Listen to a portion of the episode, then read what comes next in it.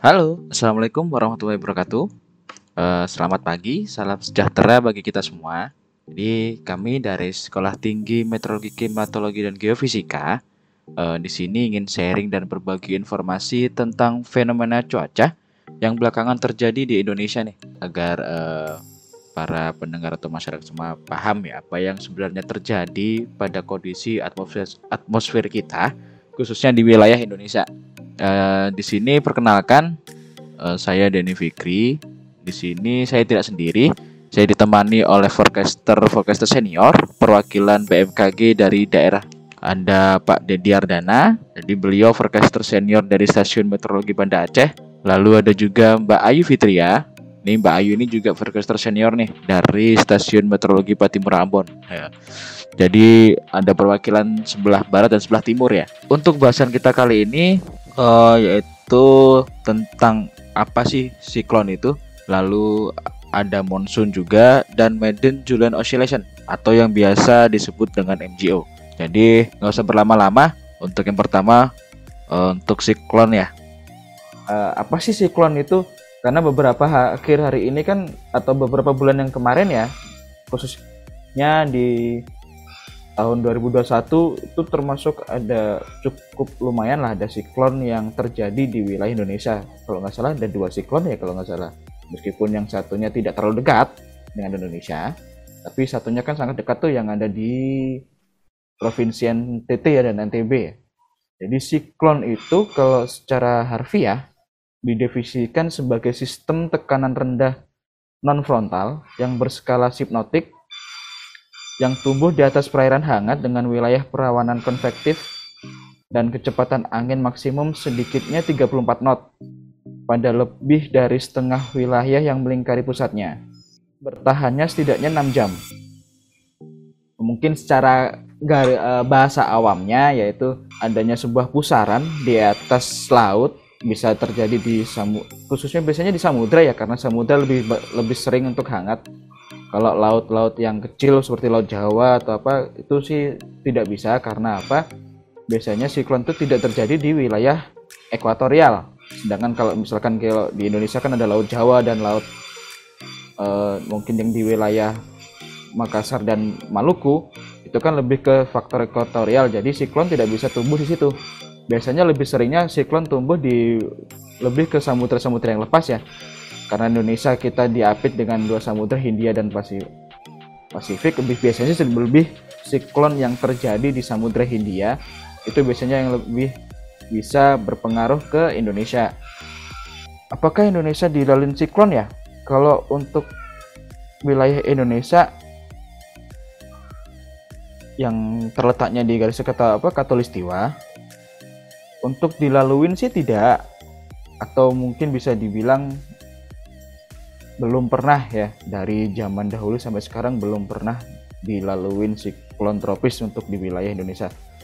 Namun uh, mendekati mendekati wilayah Indonesia ya kita pernah dengar uh, kemarin ada siklon Dahlia ada siklon apa lagi ya? Yang di banyak yang di wilayah-wilayah dekat Indonesia itu.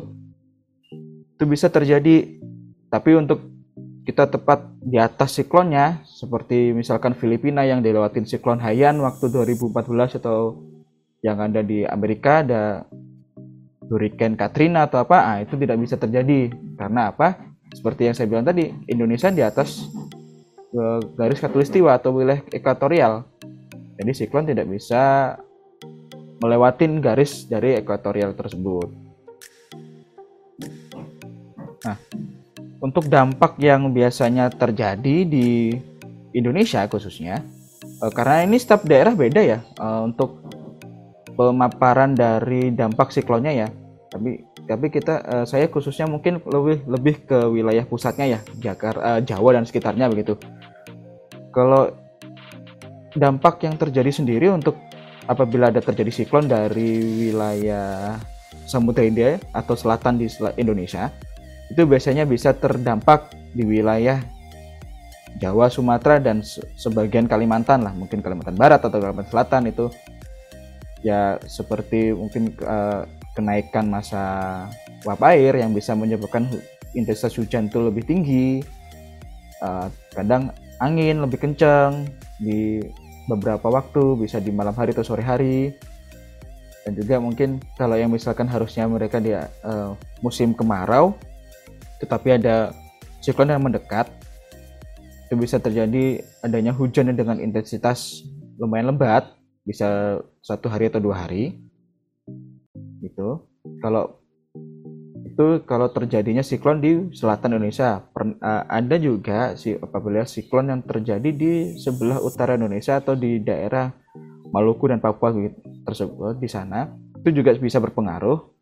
Biasanya kalau terjadi di wilayah Pasifik yang berpengaruh itu daerah Papua, Maluku dan Sulawesi bisa sebagian bisa semuanya tergantung dari letak letak dari siklonnya apakah terlalu dekat dengan wilayah Indonesia bagian utara atau agak menjauh.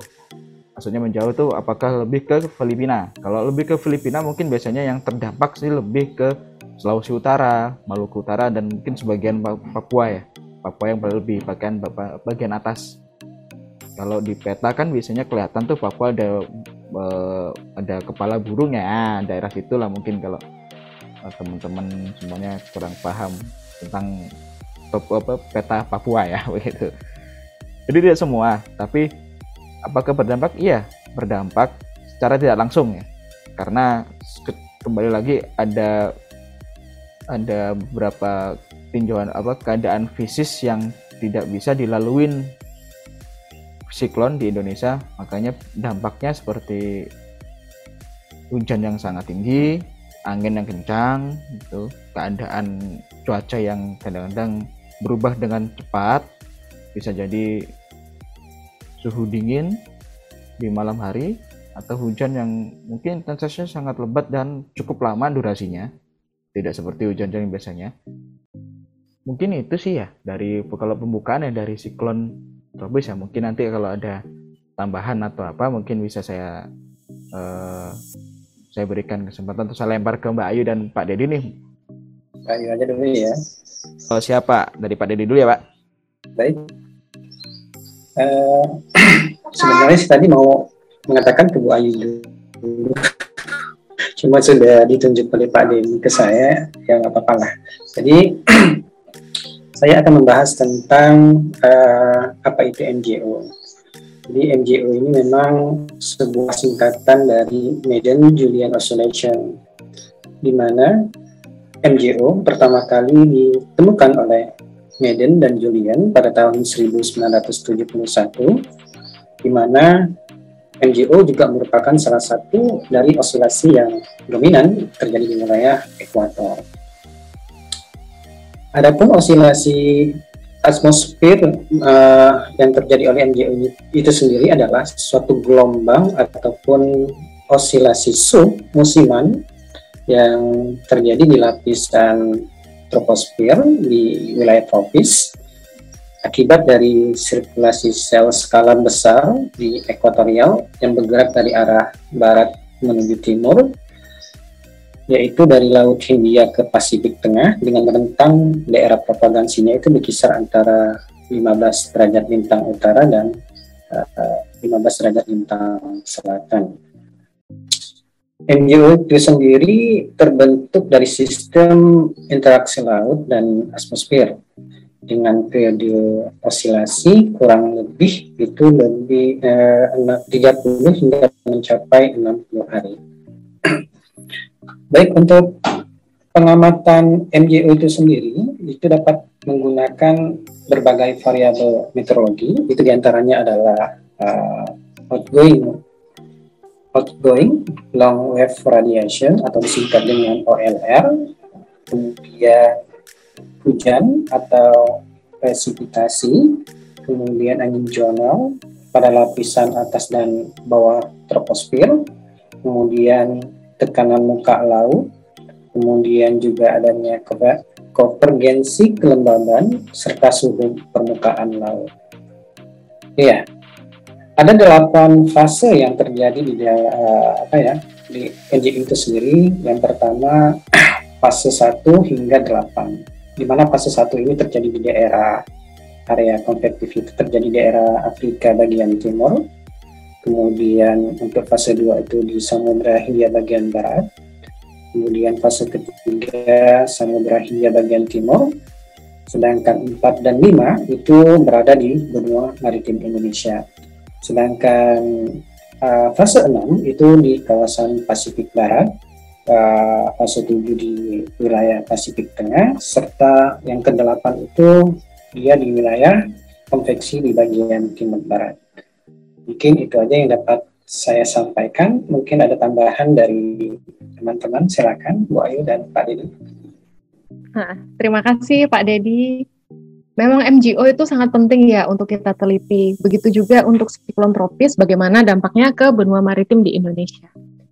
Untuk saya sendiri, saya akan membahas tentang monsun, yaitu apakah monsun? Monsun itu berupa sirkulasi angin yang berhembus secara periodik pada suatu periode, minimal tiga bulan, dan pada periode yang lain polanya akan berlawanan. Sirkulasi monsun ini mempengaruhi jumlah curah hujan musiman secara jelas di Indonesia. Saat musim hujan, angin berhembus menuju daratan luas, sedangkan saat musim panas dan kering, angin menuju samudra atau lautan luas. Pada waktu Asia musim dingin di sebagian besar Indonesia terjadi musim angin barat dan sebagian kecil di bagian barat terjadi musim angin timur laut. Pada musim dingin, di belahan bumi utara atau BBU di daratan Asia terdapat pola tekanan tinggi. Angin akan bertiup dari Asia menuju ke benua Australia. Selama periode ini, daerah Sumatera bagian selatan, Jawa, Bali, Nusa Tenggara hingga Papua, angin monsun tersebut akan bertiup dari barat ke timur. Maka di wilayah tersebut dinamakan monsun barat. Sedangkan untuk wilayah Indonesia bagian utara ekuator, angin bertiup dari arah timur laut sehingga disebut monsun timur laut. Untuk pada musim dingin, di sebelahan bumi selatan atau BBS, berlangsung aliran udara dengan arah sebaliknya. Angin monsun bertiup dari Australia menuju ke benua Asia, di atas wilayah Sumatera bagian selatan, Jawa, Bali, Nusa Tenggara, dan Papua, monsun bertiup dari timur menuju ke barat, maka anginnya disebut monsun timur. Untuk wilayah Indonesia bagian utara ekuator, angin ini akan bertiup dari arah barat daya. Untuk dampaknya kepada wilayah Indonesia sendiri, tentu saja bervariasi tergantung karakteristik dari wilayah masing-masing. Namun pada umumnya, angin muson barat bersifat basah dan banyak menghasilkan hujan, sehingga menyebabkan menyebabkan Indonesia mengalami musim hujan sedangkan untuk angin muson timur biasanya menyebabkan musim kemarau gitu. Terima kasih. Terima kasih juga Mbak Ayu dan Pak Dedi atas penyampaiannya. Jadi fenomena siklon, monsun, dan MGO merupakan fenomena cuaca yang sering terjadi di sekitar wilayah Indonesia dan berdampak langsung terhadap cuaca yang ada di Indonesia. Seperti yang sudah disampaikan, untuk dampak yang ditimbulkan dari siklon bisa berupa cuaca buruk seperti angin kencang, hujan ekstrim disertai angin atau petir, atau biasanya kita sebut dengan badai, lalu kumpulan awan hujan yang menutupi seluruh langit. Biasanya ini terjadi di wilayah yang dekat dengan terjadinya siklon.